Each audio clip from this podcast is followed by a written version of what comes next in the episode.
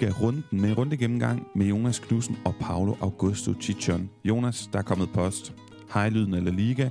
Vil I til næste podcast bruge et par minutter på at opsummere Raul de Tomas skifte til Rayo Vallecano.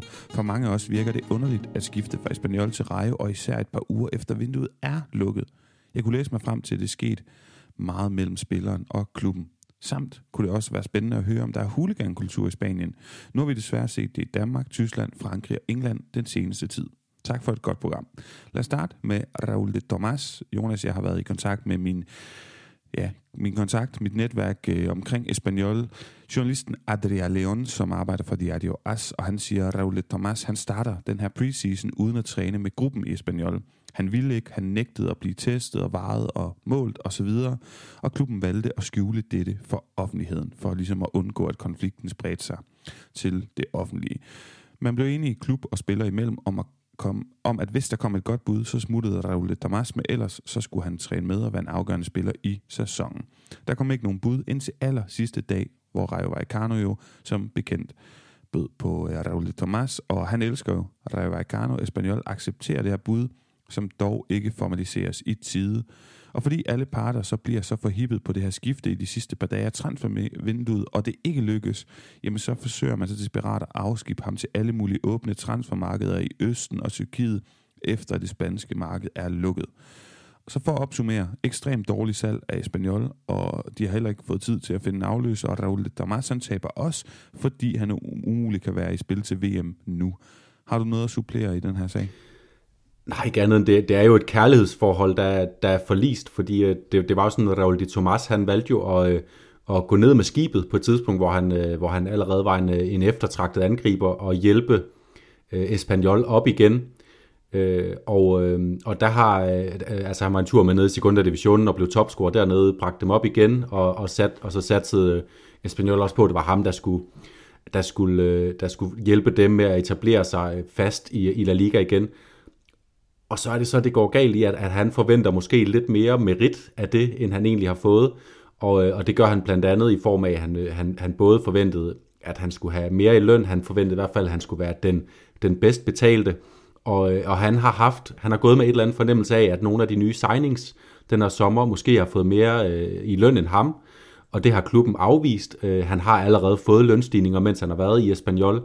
Øhm, så, så der er de gået galt af hinanden, og det næste, der så sker, det er, at han også går galt af Diego Martinez, fordi Raul de Tomas har en klar idé om, at alt Espanyols spil, hele deres strategi, det skal bygges op om ham. Det, øh, det kommer Diego Martinez ikke ind og garanterer ham. Han har en hel masse idéer, hvor Raul de Tomas selvfølgelig er en del af de idéer, men han er ikke, han er ikke øh, universets centrum nødvendigvis i det, i det koncept, øh, Diego Martinez vil komme med. Og så begynder den her fase hen over sommeren, som du siger også med, at han, da han endelig begynder at træne, så udgår han med nogle skader, som Espanol ikke rigtig kan konstatere er skader. Det er øh, molestias, som, øh, som leder på spansk, altså øh, små irritationer. Han, han, han måske finder, finder lidt på for at slippe for, for at involvere sig for meget, og så, og så går det sådan her, og det er, det er en meget, meget, meget prekær situation også, fordi Raul de Tomas, han står, han står jo i princippet med en situation for at komme med til et VM, øh, en unik mulighed i, i, i hans karriere, som han nu fuldstændig har forspildt, fordi selvfølgelig bliver han ikke udtaget, når han, når han ikke kommer til at spille fra nu af og før, øh, ja, efter VM. Lige præcis, og han kommer jo ud med det her statement, den gode Raul de Tomas, som også er meget polemisk. Sviner klubben til, klubben skyder igen på ham, hvad er op og ned? Jeg synes, vi har sådan prøvet at ja, og forsøge at, at forklare, hvad der er op og ned i den her situation. Der er ikke nogen tvivl om, at alle parter taber. Undtagen Rai Vallecano, der får en spiller, som kostede en halv milliard i starten af sommeren, nu til en slik. Og så lad os hoppe videre til et kærkommet og øh, godt spørgsmål. Anden part af det her spørgsmål, vi har fået fra vores lytter, fordi det handler om huliganisme. Og uden at lave en special, Jonas, om huliganisme i spansk fodbold, så lad os tage den ned på det helt aktuelle niveau. Vi har lige haft Derby Madrileño, og vi er blevet mindet om, at som minimum er Atletico Madrid en klub, der har nogle træls fanfraktioner. Lad os gå lidt ind i det. Øh, Real Madrid og Barcelona har jo også været kendt for henholdsvis Ultrasur og Boys of Noise.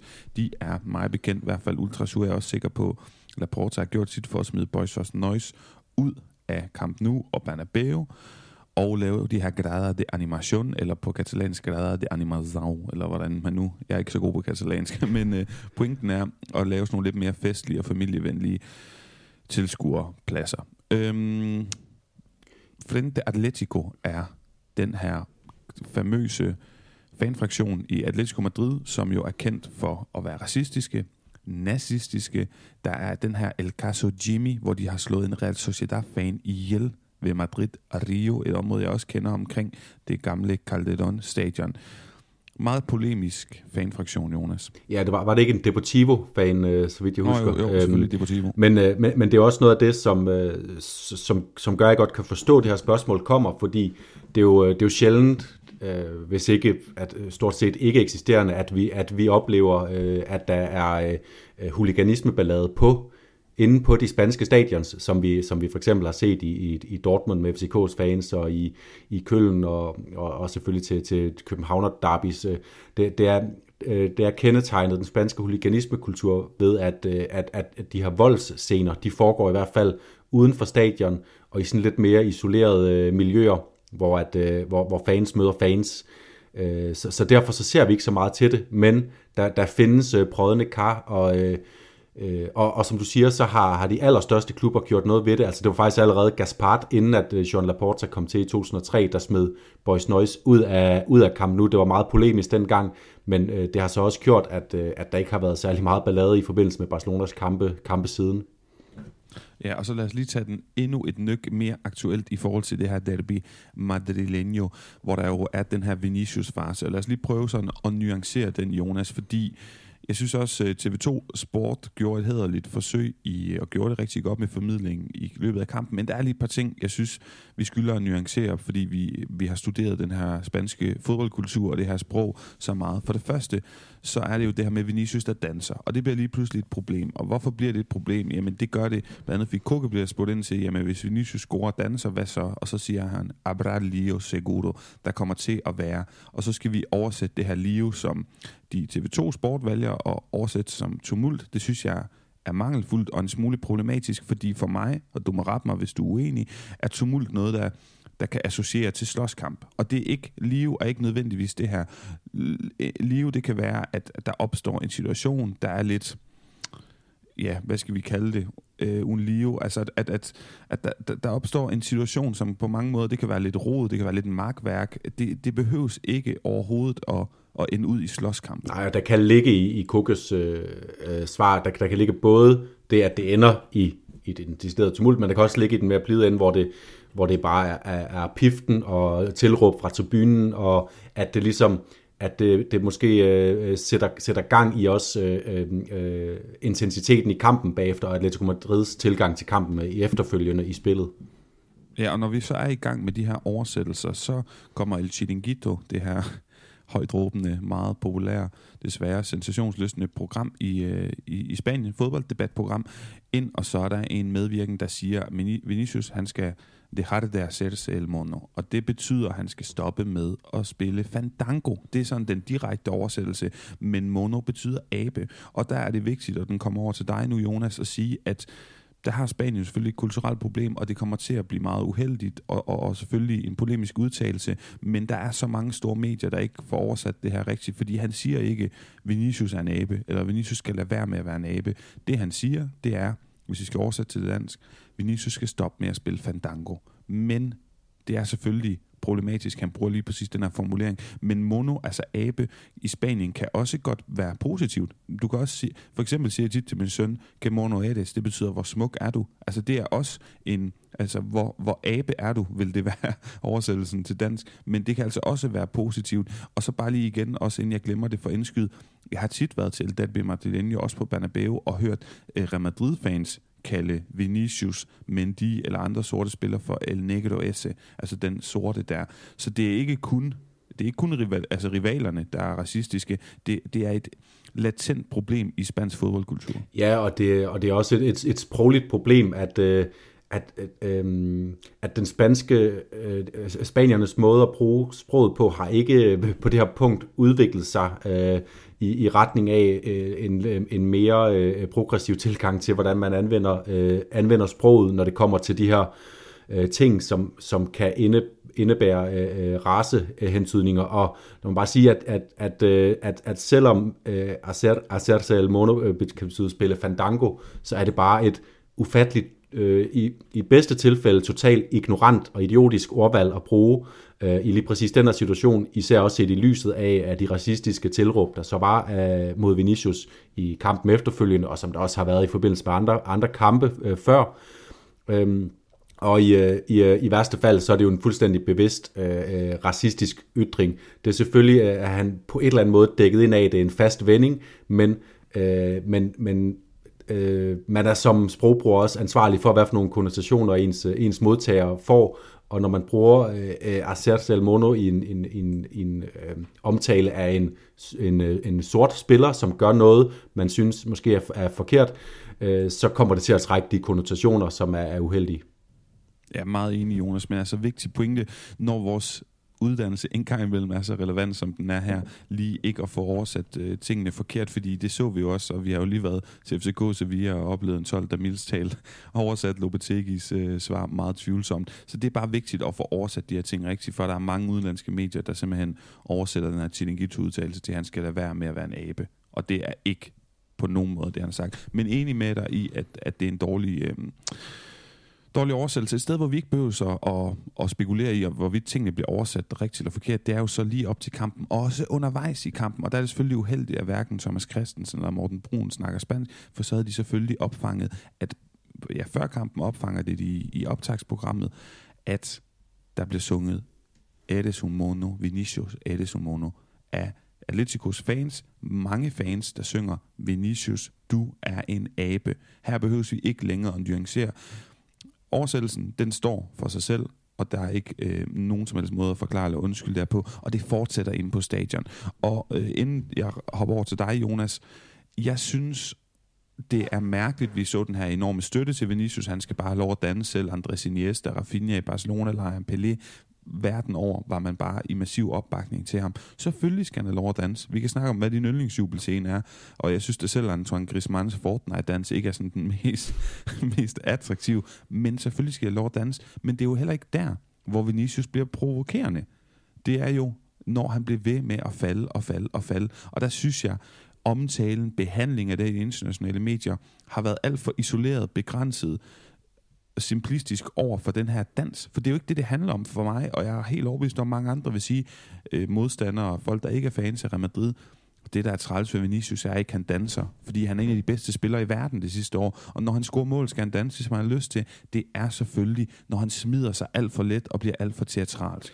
Ja, og, og og man, hvis man har fulgt med i spansk fodbold øh, øh, lidt længere end mens Vinicius bare har været her, så ved, så ved man jo også, at der er et, øh, på det her område et, øh, et kultursammenstød mellem øh, den spanske fodboldtradition, som jo, jo bunder i det her furia roja, altså øh, temperamentsfulde, øh, der er meget stolthed på spil, når man, øh, når man repræsenterer sin klub inde på banen, øh, så ydmygelser er ikke særlig velansete i den spanske øh, sportskultur, øh, ydmygelser hold imellem, øh, og så kommer de her brasilianere, som både godt kan lide at, øh, og øh, øh, lege med bolden, og dermed også øh, som et resultat af det nogle gange ydmyge modstanderen på steder, hvor at, at Spanier vil mene, det er jo unødvendigt. Det er jo, du gør jo ikke det her for at, at vinde fodboldkampen, du gør det kun for at hæve dig over for modstanderen.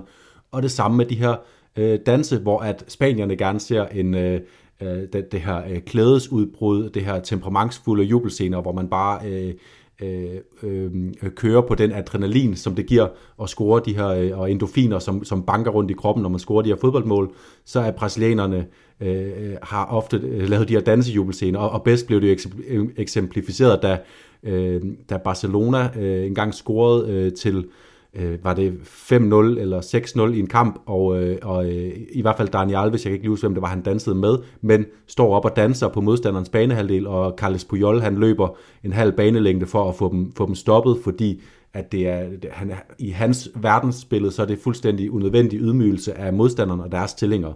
Den her kulturforskel har altid været der, og det er den samme med Vinicius. Han skal have lov til at danse. Jeg synes ikke, det er en fed jubelscene at stå og danse. Jeg kan godt lide, at man jubler øh, over, at man scorer mål øh, ved at, at juble, og ikke ved at, at, at stå og række med hofterne, men det er også bare, fordi jeg selv vil befinde mig akavet i den situation, kan man sige. Så det er, et, det er en kulturel forskel, som jeg synes øh, øh, har sin plads i fodboldverdenen, og vi bliver alle sammen klogere af den. Øh, og derfor giver jeg også ret i, at, at det vi skal det, det, vi måske kan snakke om og kritisere Vinicius for noget, det er hans attitude, og vi har også før snakket om det her i podcasten.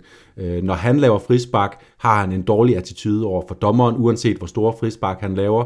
Når der bliver begået frispark mod ham, så har han en dårlig attitude, uanset om han synes, de bliver begået, og de ikke bliver dømt, eller om de bliver begået, og han får dem. Øh, og så... Øh, og så kan man altid diskutere det her med at, at, at, at lave øh, unødvendige øh, øh, detaljer i spillet, som kun er til for at ydmyge modstanderen. I går skruede Vinicius selvfølgelig op for det i den her situation mod Axel Witzel, men det var et bevidst svar. Det kan jeg egentlig meget godt lide, at han ligesom at han, at han, bruger, øh, at han bruger fødderne, bruger fodboldspillet til at, at svare på den kritik, der har været, så han måske slipper for at, at, at, at svare uh, mundtligt, fordi det har han måske ikke øh, lyst til i så stor grad. Så, så, så det kan jeg egentlig meget godt lide. Men der er noget omkring Vinicius' attitude, som, som jeg synes gør ham til en mindre attraktiv spiller.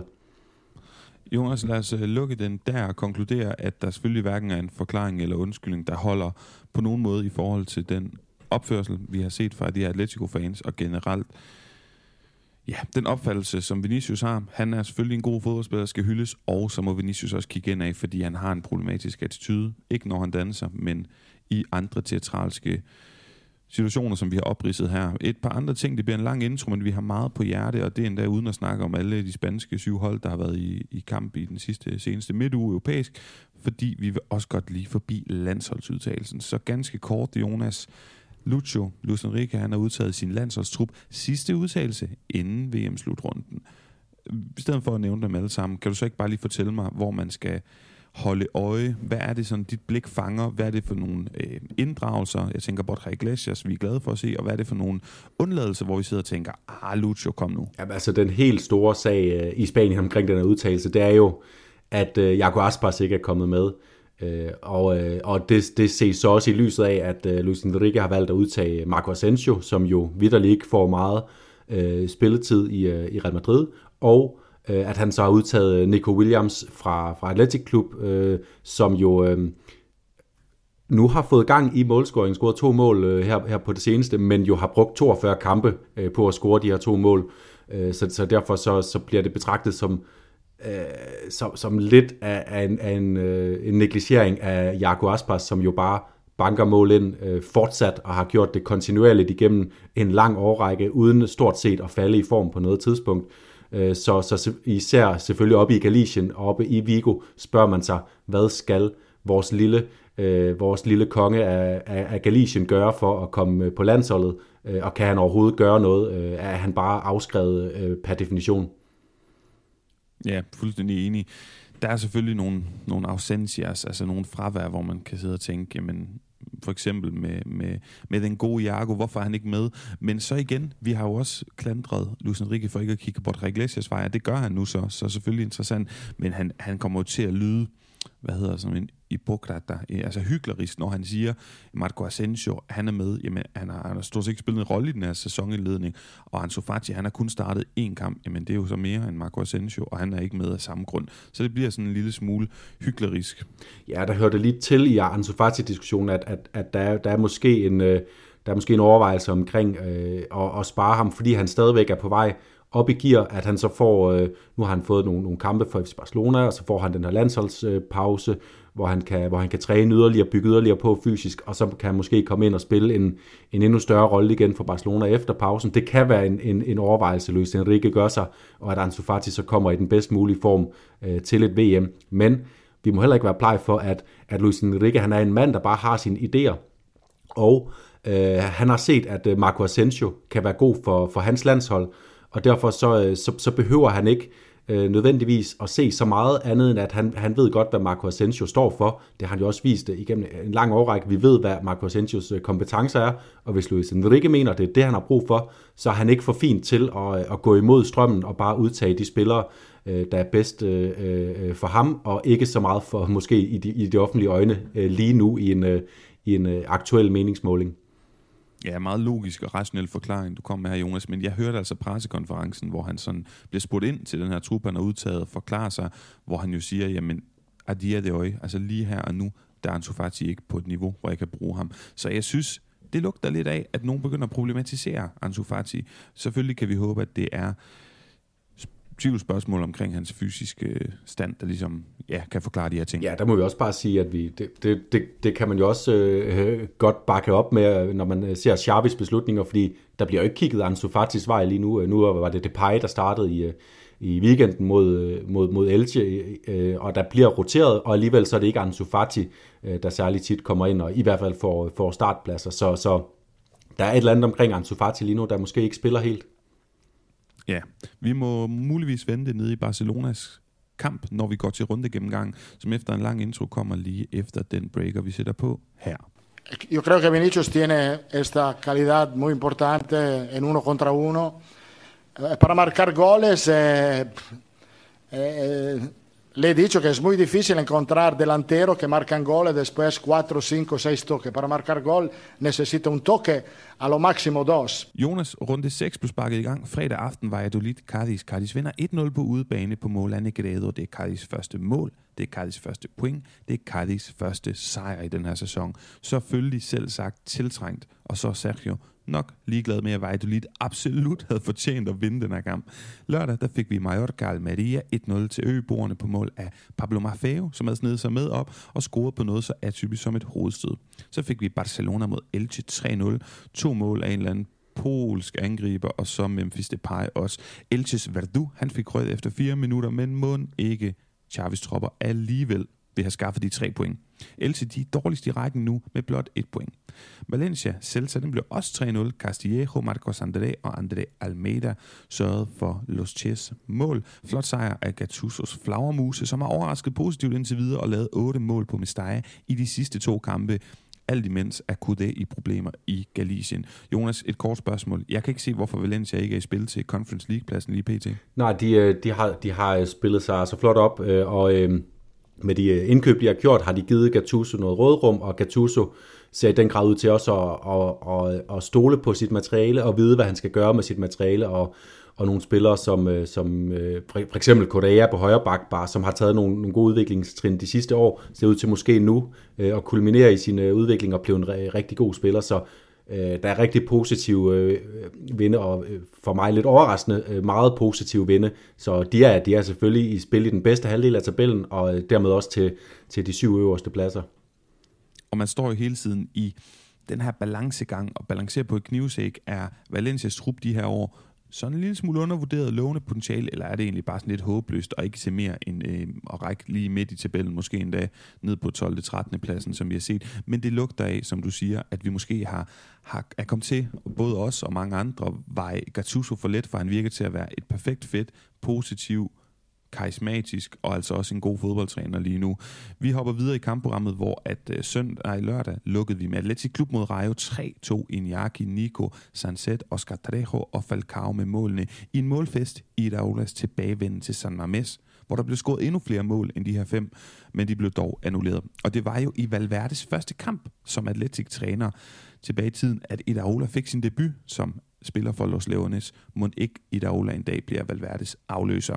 Søndag der fik vi Osasuna Getafe 2-0 til gæsterne fra Getafe. Juan Iglesias første mål i seniorkarrieren, og Gaston Alvarez med andet mål. Rødt kort til Jimmy Avila og senere Luis Mia. Nu troede man lige, at vi kunne kategorisere Osasuna som et fremragende mandskab og Getafe som elendige. Villarreal Sevilla 1-1, Oliver Torres og Baena, Reals forbandelse mod de her større hold, og i de seneste par uger mod sevianske hold, den fortsætter altså. Man er bedre end holdene, man har flere chancer, man får sjældent tre point. Og der er Sociedad Espanyol 2-1 til baskerne. Sørler og Dabrais scoret, inden Edu Esposito også scoret, og Diego Martinez Espanyol-projekt, det er gevaldigt i problemer. Mens Alguacils Lareal-projekt, det er bare stadig en fornøjelse at følge, trods at sæsonen allerede er over for nyindkøbet Umar Sadik. Det kan blandt andet have noget at gøre, ikke at Sadik er ude, men at vi er lidt forelskede i det her projekt under Alguacil. Det kan have noget at gøre med de her enormt mange lækre venstrebenede offensivspillere. Jeg sidder bare og bliver forelsket i Merino, David Silva, Kubo, Badais, Mocho, Sørlot.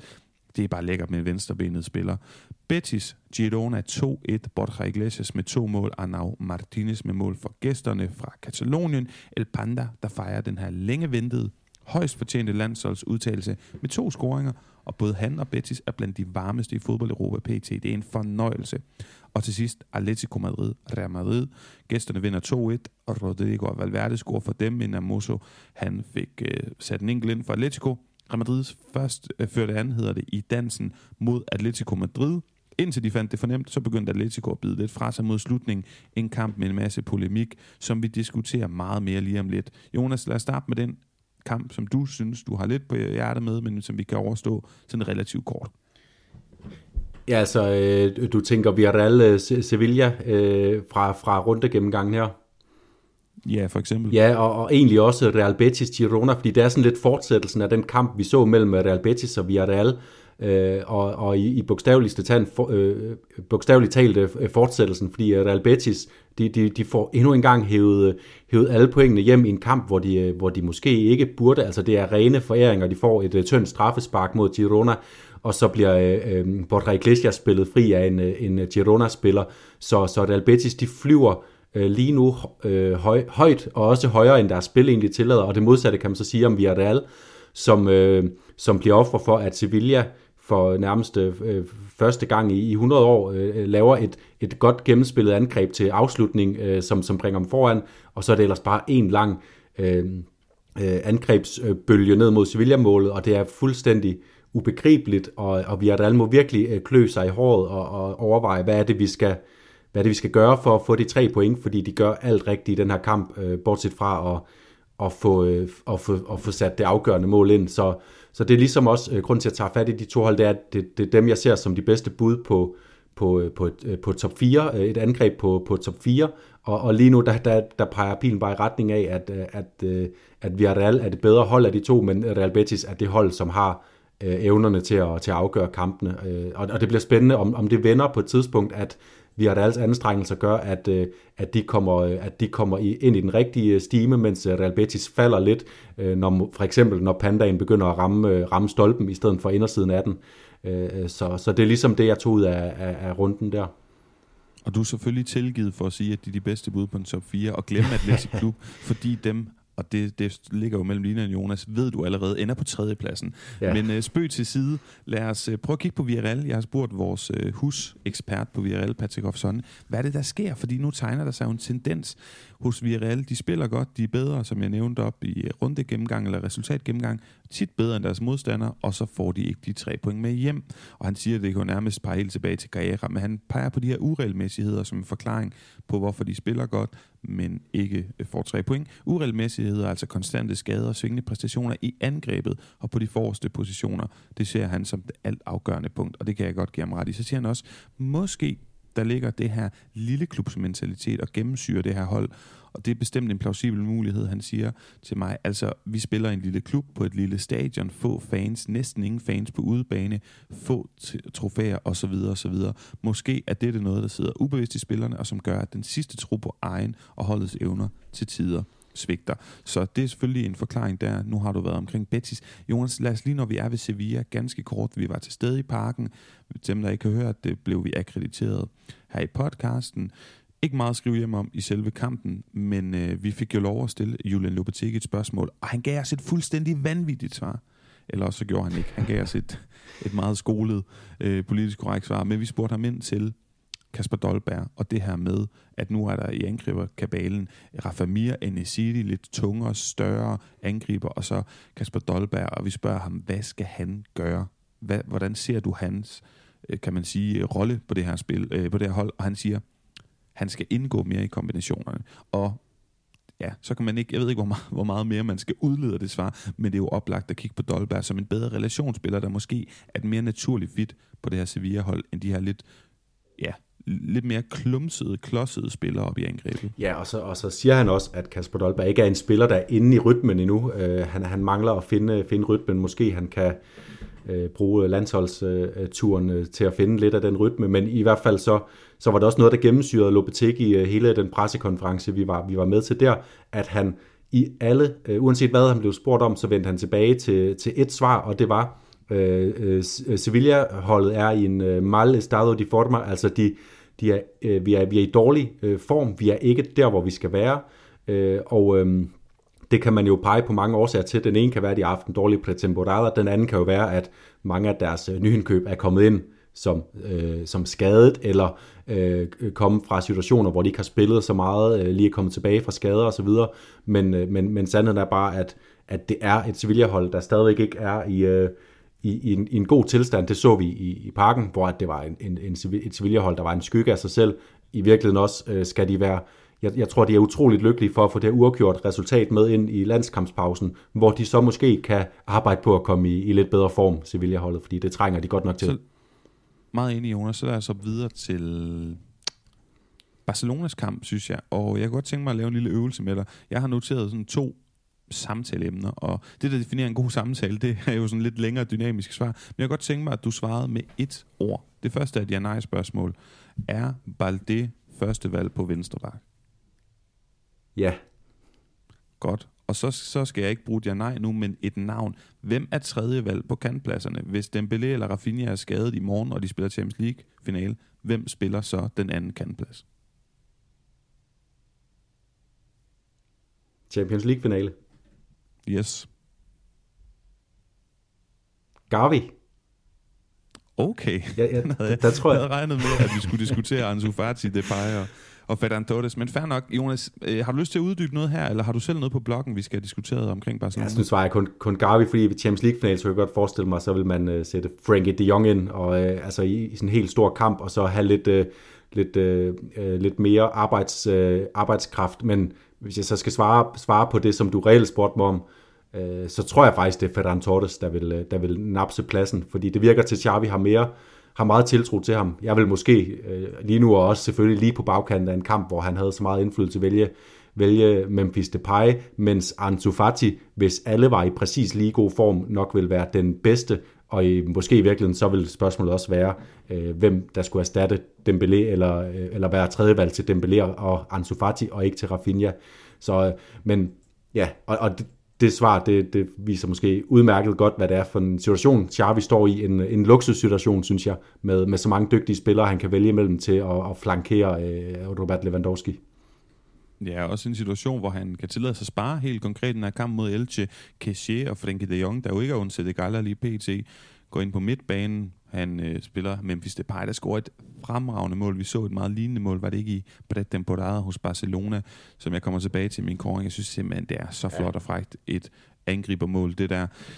Men ja, det er bare sjovt at tænke på, på Barcelona. Vi efterspurgte måske lidt nogle, de her vacas sagradas, kunne han, kunne han hvad hedder sådan noget, ofre, kunne han slagte nogle af de her hellige køer, man snakker om i spansk fodbold i, i omklædningsrummet hos Barcelona. Helt konkret ville det være Piqué, Alba eller Busquets. Og ja, det ligner jo både Piqué og Alba lige nu er uden for Once og Balde, som jo måske var tænker jeg, altså tredje valg, da, altså på papiret, da Marcos Alonso også kom ind, jamen han har bare taget med storm. Han er sindssygt imponerende. Og når han kan få lov at løbe fremad og ikke skal forsvare for meget, så ligner han jo en, en, altså en verdensstjerne i, i svøb. Altså sådan lidt en Alfonso Davis-klon.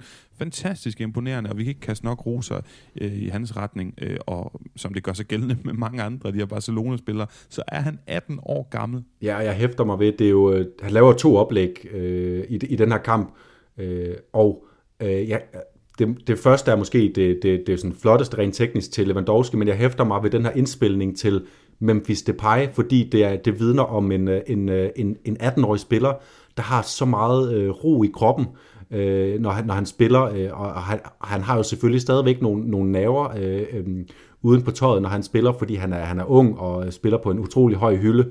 Det er ikke, det er ikke nemt at komme ind som 18-årig og spille for FC Barcelona under det pres, som der er på kamp nu, men han, han hviler bare i sig selv, kigger op, finder en simpel aflevering ind til Depay øh, langt inde i feltet, og, øh, og det synes jeg er noget af det, der giver lovninger på, at Barcelona har fat i en rigtig guldfugl her. Det er ikke bare nogle, nogle, øh, nogle gode aktioner, hvor han er hurtigere end sin modspiller. Det er simpelthen, det er, han, han, har, han har hovedet med sig, når han, når han spiller. Jonas, jeg har lige kigget på øh, lyden af Ligas taletidskort, og vi har desværre ikke flere timer at gøre i dag, så du kan få lov øh, selv at komme med en anden pointe med det her Barcelona hold i, for, i forhold til den her kamp mod Elche, eller så kan vi lige runde, hvad der skete i midtugen. Det synes jeg måske er mere interessant.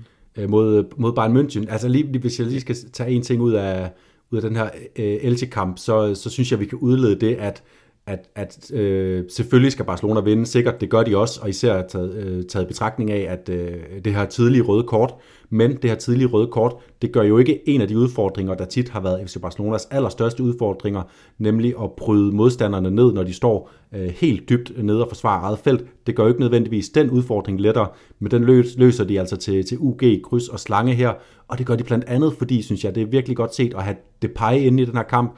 De har både Depay og Lewandowski i, øh, til stede i feltet, og det gør, at, øh, at de her indspil, der kommer fra Dembélé, fra Pedri og så selvfølgelig fra, fra Balde, de har altså modtagere, og de har modtagere, som ved, hvordan de, de kan agere i de her helt små rum, når de kommer tæt ind omkring øh, øh modstanderens øh, øh, midtstopper. Så det lover virkelig godt for, at øh, Xavi har nogle, øh, øh, ja, nogle handlemuligheder, når tingene, de, øh, når, når tingene de presser sig sammen ned i modstanderens ende.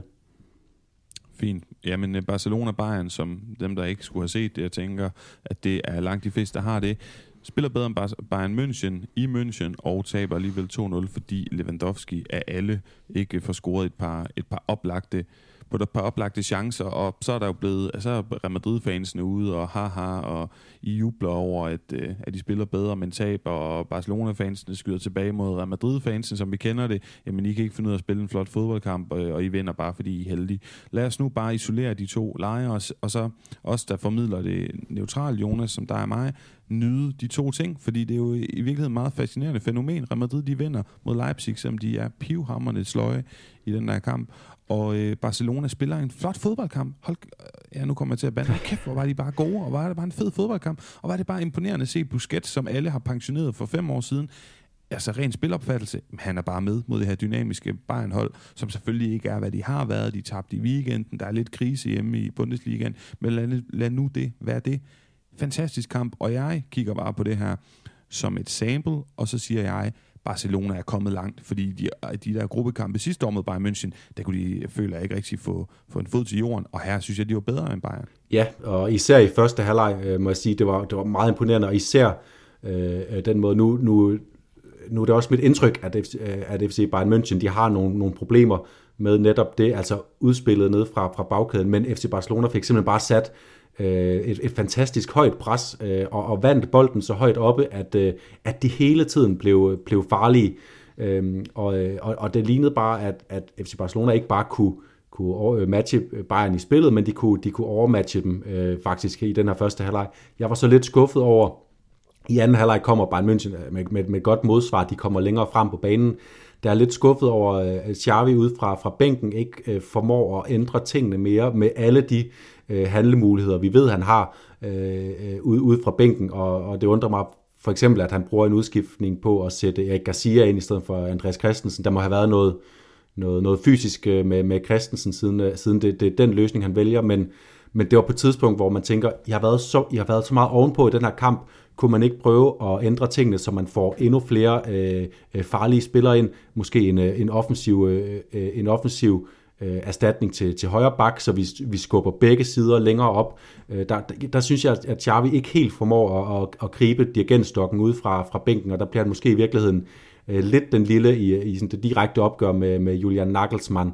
Øh, så, så det er måske også øh, øh vigtig lærpenge for, for Xavi, at når man spiller Øhm, når, man, når man spiller de her kampe mod de allerstørste klubber, så skal man hele tiden være opmærksom på, øh, hvordan man kan optimere de små ting inde på banen, og det synes jeg ikke, han lykkes med, og, og måske derfor ender Barcelona ikke med at, at, at få point med fra, fra det tyske. Og med den pointe, så lad os hoppe til weekendens største opgør. Og Jonas, lad os lige få fordelt etiketterne, for jeg kunne høre, at der var nogen, der var i tvivl. El Gran Derby, hvad er det for et derby? Uh, El Gran Derby, Yes. Øh, det er vel det, vi øh, var, det, det er jo ikke det, vi var vidne til her. Det var øh, El Derby Madrileño i hvert fald. Lige præcis. El Gran Derby, det er selvfølgelig mellem de to Sevilla-klubber. El Derby Madrileño, hvad skal vi mene, hvad skal vi synes, hvad skal vi tænke omkring den her fodboldkamp, øh, som Real Madrid jo utvivlsomt formår at navigere bedre i. Det, det er jo noget, vi har sagt meget om det her Real Madrid-hold. Et af deres kendetegn, når vi sådan skal prøve at forstå, hvorfor de kan virke til ikke at være særlig godt spillende, og så alligevel bare vinde, råbe og stop. Jamen, og vi så det jo også på bagkant det sidste, sidste forår, alle de Champions League-kampe, de formår bare at navigere godt i svære kampe. De scorer to rigtig, rigtig flotte mål. De har nogle spillere, som kan mange ting, og som kan aflæse kampene, og se, hvad er der vigtigt, at jeg, hvad er det for en rolle, jeg skal udføre på forskellige tidspunkter i kampen. Ja, øh, og, og det er også netop det, jeg har festet mig ved, og jeg har festet mig ved to, øh, to helt specifikke øh, evner, som, øh, som gør, at Real Madrid vinder den her kamp. Øh, den ene, det er de her øh, nærmest helt øh, skabelonsagtige øh, angrebsspil, øh, hvor at Real Madrid, øh, og det kan man måske netop øh, sætte op mod, mod hold, som ikke lykkes lige for tiden, altså Atletico selv, øh, Sevilla, som vi ser øh, mangler løsninger. Øh, det har helt skabelonsagtige angrebsspil, hvor de har med 3-4 perfekte afleveringer, perfekte aktioner, kommer frem til afslutninger. Altså Real Madrid har øh, adskillige forskellige måder at komme frem til afslutninger, og de kan gøre det hurtigt. Og det er det, der sker i de to situationer, hvor de scorer her. Den, den anden fase, hvor jeg ser, at de dræber den her kamp, det er det første kvarter af, anden halvleg, hvor, at, øh, hvor Real Madrid, altså det hører med til den her kamp, at Atletico Madrid, de dominerede faktisk øh, ret store dele af det her opgør, og øh, var oppe omkring Real Madrids felt, lykkedes også med højt pres, men i det første kvarter af anden halvleg, der lykkedes Real Madrid med at trække tempoet ud af kampen med bolden. Øh, de, de, de kører bolden rundt i egne rækker, og Atletico Madrid kan bare se, okay, øh, Real Madrid vil ikke frem og afslutte nu, de vil bare gerne køre bolden rundt, vi bliver nødt til at komme med et modtræk, øh, og det tager, det tager noget tid for dem at få simpelthen pillet bolden af, og på det tidspunkt er der gået et kvarter øh, af anden halvleg, Real Madrid fører 2-0, og så er det jo altså, så er det altså svært at, at gøre så meget på, på en halv time mod så, god en, øh, så godt et forsvar, som vi også bare må sige, øh, Militao, Alaba, god kamp, rigtig god kamp af dem. Ja, lige præcis. Især Alaba efter med her, men selvfølgelig også Militao, det der med at komme, komme ind fra, fra har været skadet, småskadet og været ude et par kampe, og det er den der tankegang med, så er der mange, der måske ikke lige har accepteret, hvor vigtig og god Militao han er i det her samarbejde med Alaba, der siger, men så må Rydiger selvfølgelig spille. Han kommer fra Chelsea, han er den her store forsvarsstjerne. Nej, Militao og Alaba, det fungerer bare sindssygt godt, og Alaba spiller en fremragende kamp. Valverde spiller en fremragende kamp. Jeg synes også, Cavaral spiller en god kamp. Jeg er også stadig forelsket i Rinildo Mandava, det må jeg bare sige. Selvom jeg måske synes, lad os gå lidt ind i det her polemikker, Jonas, hvis du har visket den taktiske tavle ren. Jeg tror, jeg synes, at han får lavet et frisbak på Rodrigo ret tidligt i kampen. Jeg tror det første halvleg, hvor jeg ikke forstår, at, at man ikke snakker om et orange-rødt kort der. Så er der Mario Hermoso, som jo isoleret set ikke måske skal have det andet gule kort for den her situation, hvor at Ceballos overspiller. Men jeg vil også give ret, jeg tror det er Morten Brun, der får sagt det i kommentering, du kan se, at Mario Hermoso han har et formål, og det er hvis ikke ondsindet, så i hvert fald ikke at, at have øjne på bolden. Så jeg, også bare for sin attitude, fordi han er så ild og Mario Hermoso, vi kender ham for det her, og han kan ikke kontrollere det her. Han kan simpelthen ikke navigere i det her kaos, som, som Diego Simeone tydeligvis forsøger at få implementeret på det her hold. Ja, så får han det røde kort. Ja, dommerens lunde er selvfølgelig på det her tidspunkt ekstremt kort. Vi har lige spildt to minutter af Atletico Madrids dyrebare øh, tid i jagten på det udlignende mål på at se Adamoso øh, i scenesætte sig selv ved at skulle hen og blande sig i en situation, der slet ikke har noget med, med ham at gøre. Og det er simpelthen så det er pinligt, synes jeg, for ham, øh, de, de scener, der udspiller sig, fordi ikke nok med, at han, øh, han får det gule kort, som så også gør, at, at dommeren nok allerede er klar til, hvis, hvis ham der, hvis han viser sig en gang mere i den her kamp, så får han også det andet gule, og det kommer så lige bagefter. Øh, så han spiller, øh, han, altså fra, fra, fra det 88. minut, og til der bliver fløjet af, der når Atletico Madrid ikke at have en, øh, at have et forsøg på at score et mål, fordi Armoso bruger tiden på at, at, lave, øh, at lave gag og løjer, og det er simpelthen idiotisk. Og det var det samme, vi så i, i øvrigt øh, i sidste sæson mod Manchester City til allersidst, øh, hvor det var Savic, der var ude at få, få rødt kort, så vidt jeg husker, eller var det Felipe. Der var i hvert fald, øh, Atletico Madrid endte med at bruge, øh, vi, vi ser krydsklippet fra, fra øh, Diego Simeone, der peger på sine to tændinger. Tænk jer nu om, gutter. Og det næste, vi ser, det er 6 minutter, der bliver spildt på, øh, på gag og løjer. Det, det er simpelthen det, det er dårligt. Ja, dårlige nyheder for Mario Hermoso, der var så god i Espanyol, der var så god i mesterskabssæsonen for Atletico Madrid, og lige nu ja, prøver han jo at kæmpe sig tilbage på et niveau, som jeg er tvivler på, at han finder frem i en Atletico Madrid trøje. Jonas, et par andre ting, vi kan vende omkring den her fodboldkamp jeg ved ikke, om jeg synes, at... Jo, jeg tror, jeg synes, Toni Kroos spiller en god kamp. Jeg synes, Modric spiller en fantastisk kamp. Det er simpelthen bare så sjovt at høre, hvordan Thomas Christensen er fuldstændig forelsket i den her fodboldspiller. Og man kan jo ikke rigtig... Øh, hvad hedder sådan noget? Man, man kan ikke rigtig øh, betvivle det. det, er, det, det vi fleste er ret forelsket i Luka Modric. Jeg synes jo faktisk, Aurelien Chouameni vi har snakket om det, Sløjstam og Almeria, gode kampe efterfølgende.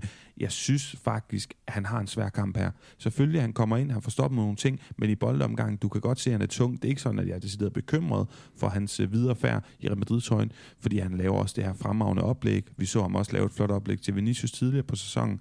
Men jeg synes stadigvæk godt, altså bare lige vente med at kalde ham verdensstjerne eller fuldstændig etableret, og at alt er gnidningsfrit omkring ham på det her Real Madrid-hold. Ja, så synes jeg også, at kampen bliver rigtig svær for ham, fordi øh, Chris Mann falder ned hele tiden ned i det område, som øh, uh, Germany er ansvarlig for, og jeg synes, øh, Chris Mann, selvom han ikke får sat sit, sit aftryk med, med mål, så i, især i de første 20 minutter af den her kamp er, er Chris Mann altså rigtig farlig. Der sker rigtig mange ting. Han får slået nogle gode indlæg, han har også en, en afslutning, og han ser bare sådan...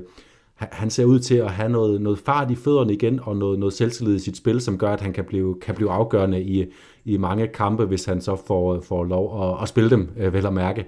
Øh, men, men det gjorde det også svært for, for Chouameni. Øhm, og så synes jeg egentlig også, at, at Atletico Madrid de får, får lagt et rigtig godt tryk på Real Madrid i starten, gør det rigtig svært for dem at, at komme ud, øh, og, og de er også opsøgende i forhold til at skabe dueller. Koke, han, hver gang han får bolden, så venter han nærmest på, at der kommer en Real Madrid-spiller og forsøger at takle ham, så han kan takle igen og skabe den her atmosfære. Øh, men så har Real Madrid også bare kvaliteterne.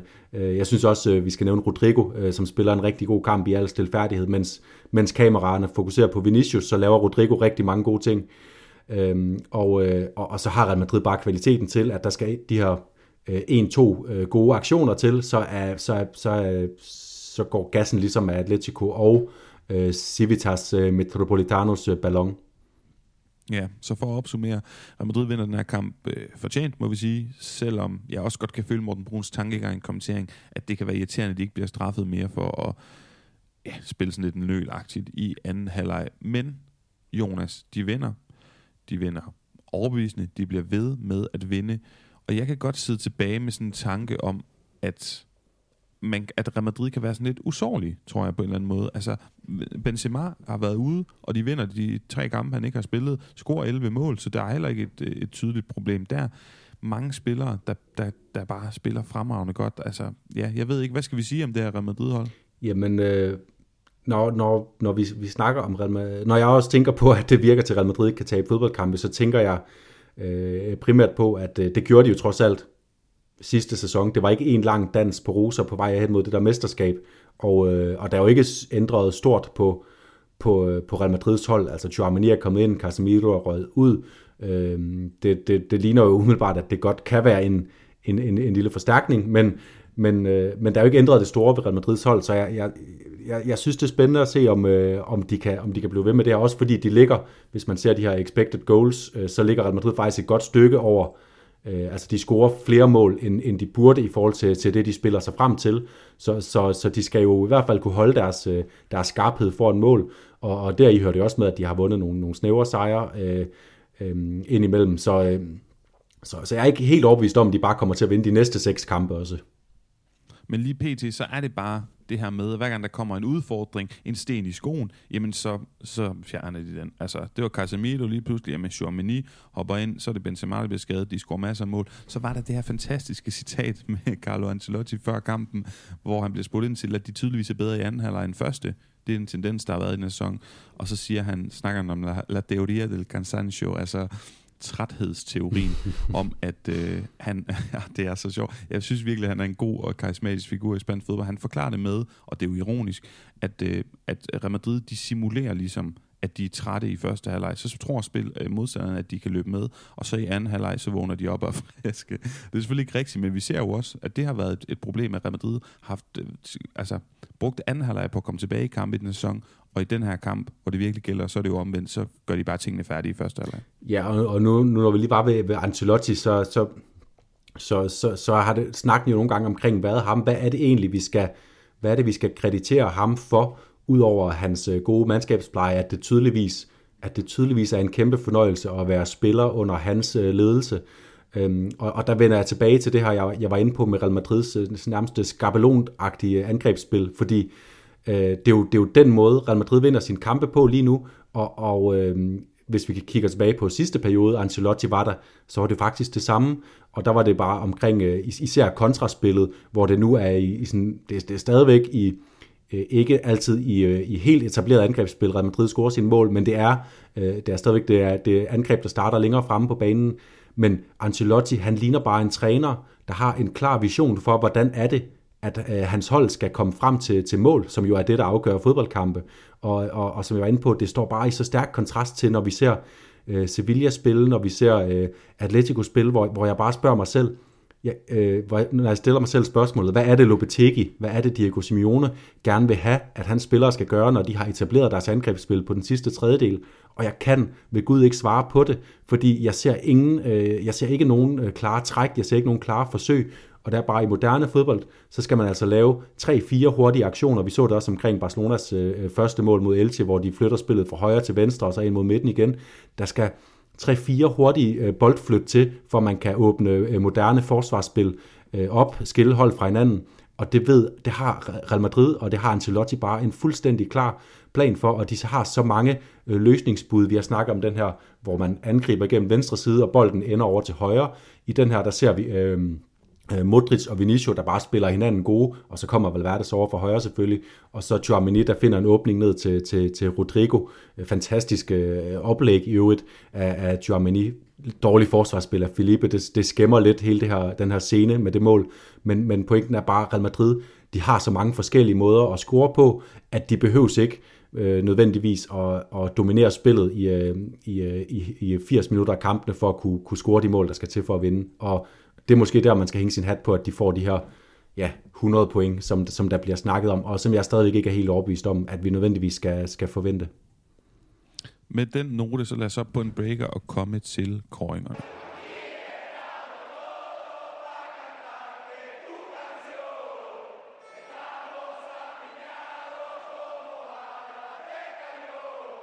Jonas, vi plejer at starte med lidt Diaso. Der var mange flotte detaljer i runden, der gik. Memphis, der bruger den her krop og sin teknik fuldstændig formidabel mod Elche. Virkelig, virkelig et flot mål. Falcao, han er også en fremragende angriber, laver et sindssygt mål i den her kamp mod Atletic Klub. Og så Rodrigos mål i jeg selvfølgelig også opspillet her i El Derby Madrileño. Det er sådan lige de tre, jeg har, øh, jeg har udpeget. Det er præcis de tre, øh, samme tre, jeg har stående her på mit, øh, på mit kandidat, min kandidatliste. Øh, den, jeg har øh, den, jeg har som favorit, det er faktisk Falcao's, fordi jeg synes, det er en fuldstændig absurd afslutning. Og, og det hører også med til, den, til det mål, at det, det er virkelig godt opspil, øh, Rayo øh, opspil øh, Easy, øh, øh, der, der i gang sætter, og så Falcao, der afslutter. Og så hører det også med, at det er Inigo Martinez, ingen ringer end Inigo Martinez, der dækker Falcao tæt, tæt op. Altså det er en, øh, en verdensklasse midterforsvarsspiller, som han bare øh, krøller sit ben udenom og, og, og hælder den med sådan ydersiden over i det, i det lange hjørne. Det er, det er fuldstændig fænomenalt angrebsspil.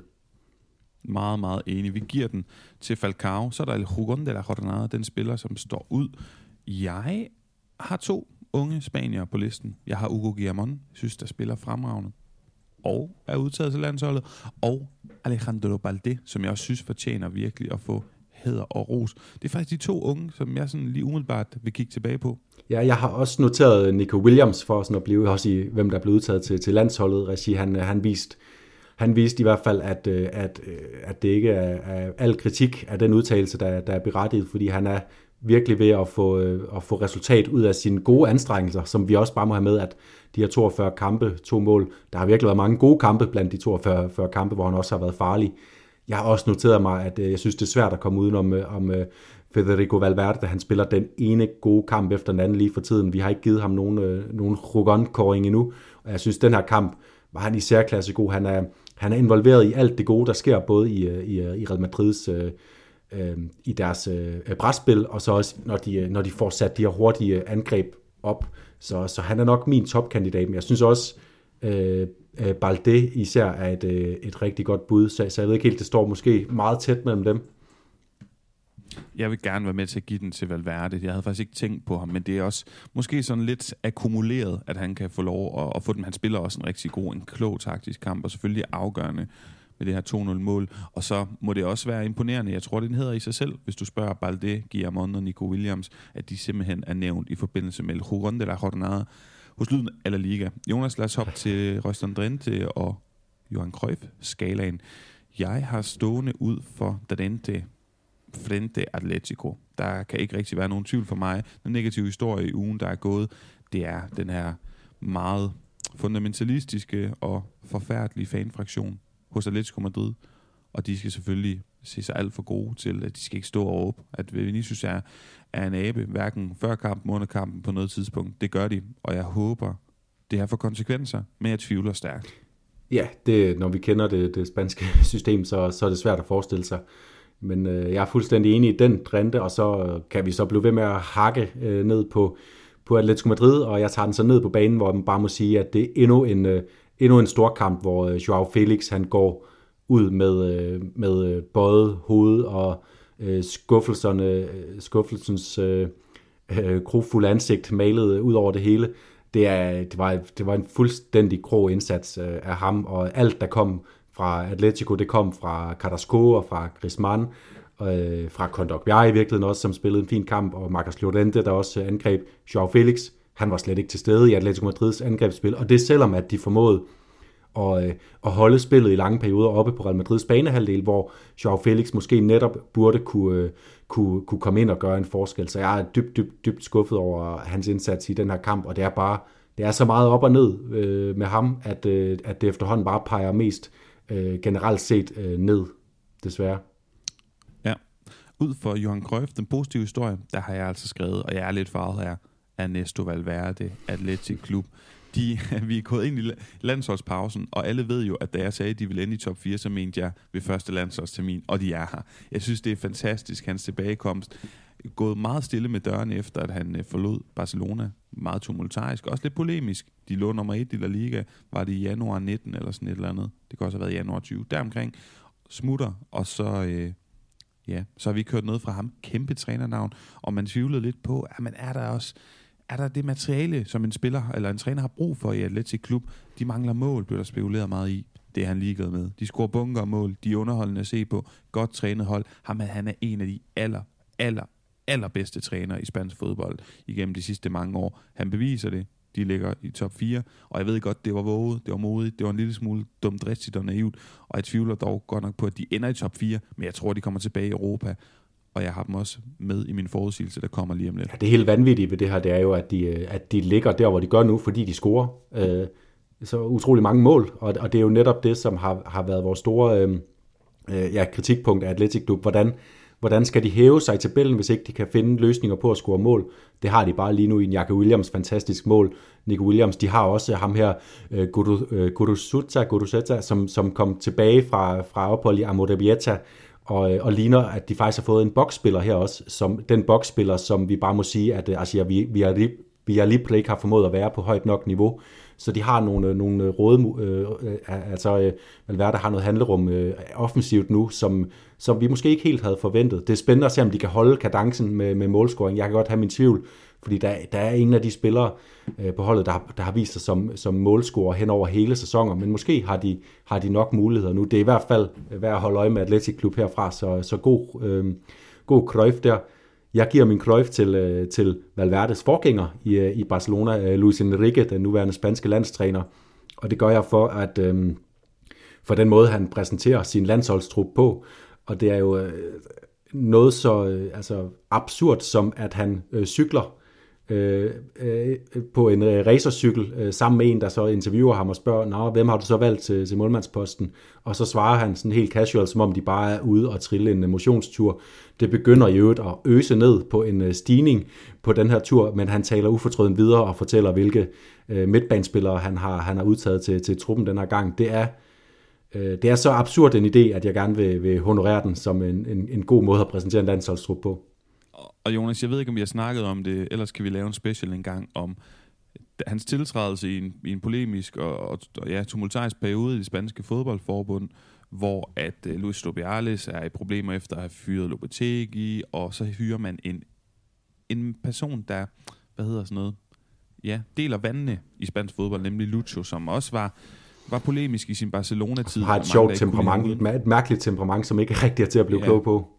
Lige præcis. Og så har man prøvet at gøre det tydeligvis mere likable og øh, hipt på sociale medier med de her mærkelige måder at offentliggøre trupperne på. Jeg er meget enig, jeg synes, det er sjovt.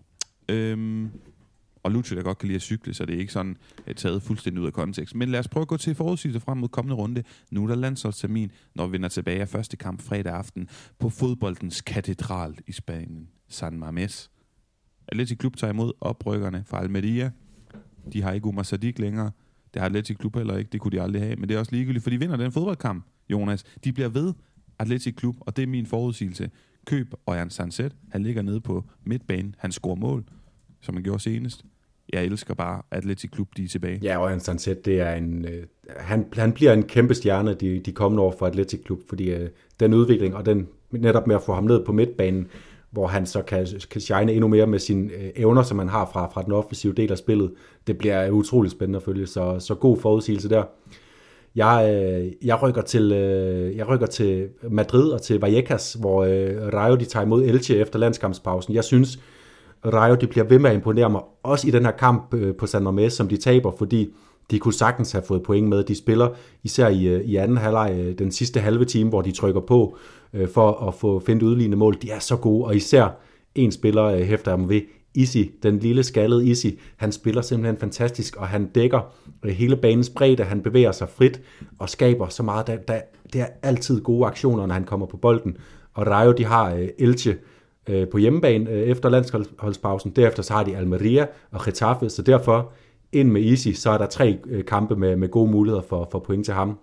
Og så lige en sidste anbefaling, hvor jeg vender tilbage til min Rugon-kåring Valverde, Federico Valverde, han er nu ved at blive en uundværlig brik for, for Real Madrid. Han er en, en, en, ved at være en nøglespiller, en som kommer til at spille alle de kampe, øh, hvor Real Madrid øh Øh, stiller i den bedste opstilling. Han koster kun 4,8 millioner kroner på holdet.dk. Han er involveret i så mange af de øh, kampafgørende aktioner, så øh, hvis, man, hvis man sætter ham ind, så har man altså god mulighed for at hente point, også sådan akkumuleret over tid. Med den kommentar, så lad os slutte programmet af for i dag. Nu er der landsholdstermin. Lad os se, om der kommer noget fra vores lejr, ellers lyttes vi ved ved næste runde gennemgang. Tak fordi I lyttede med.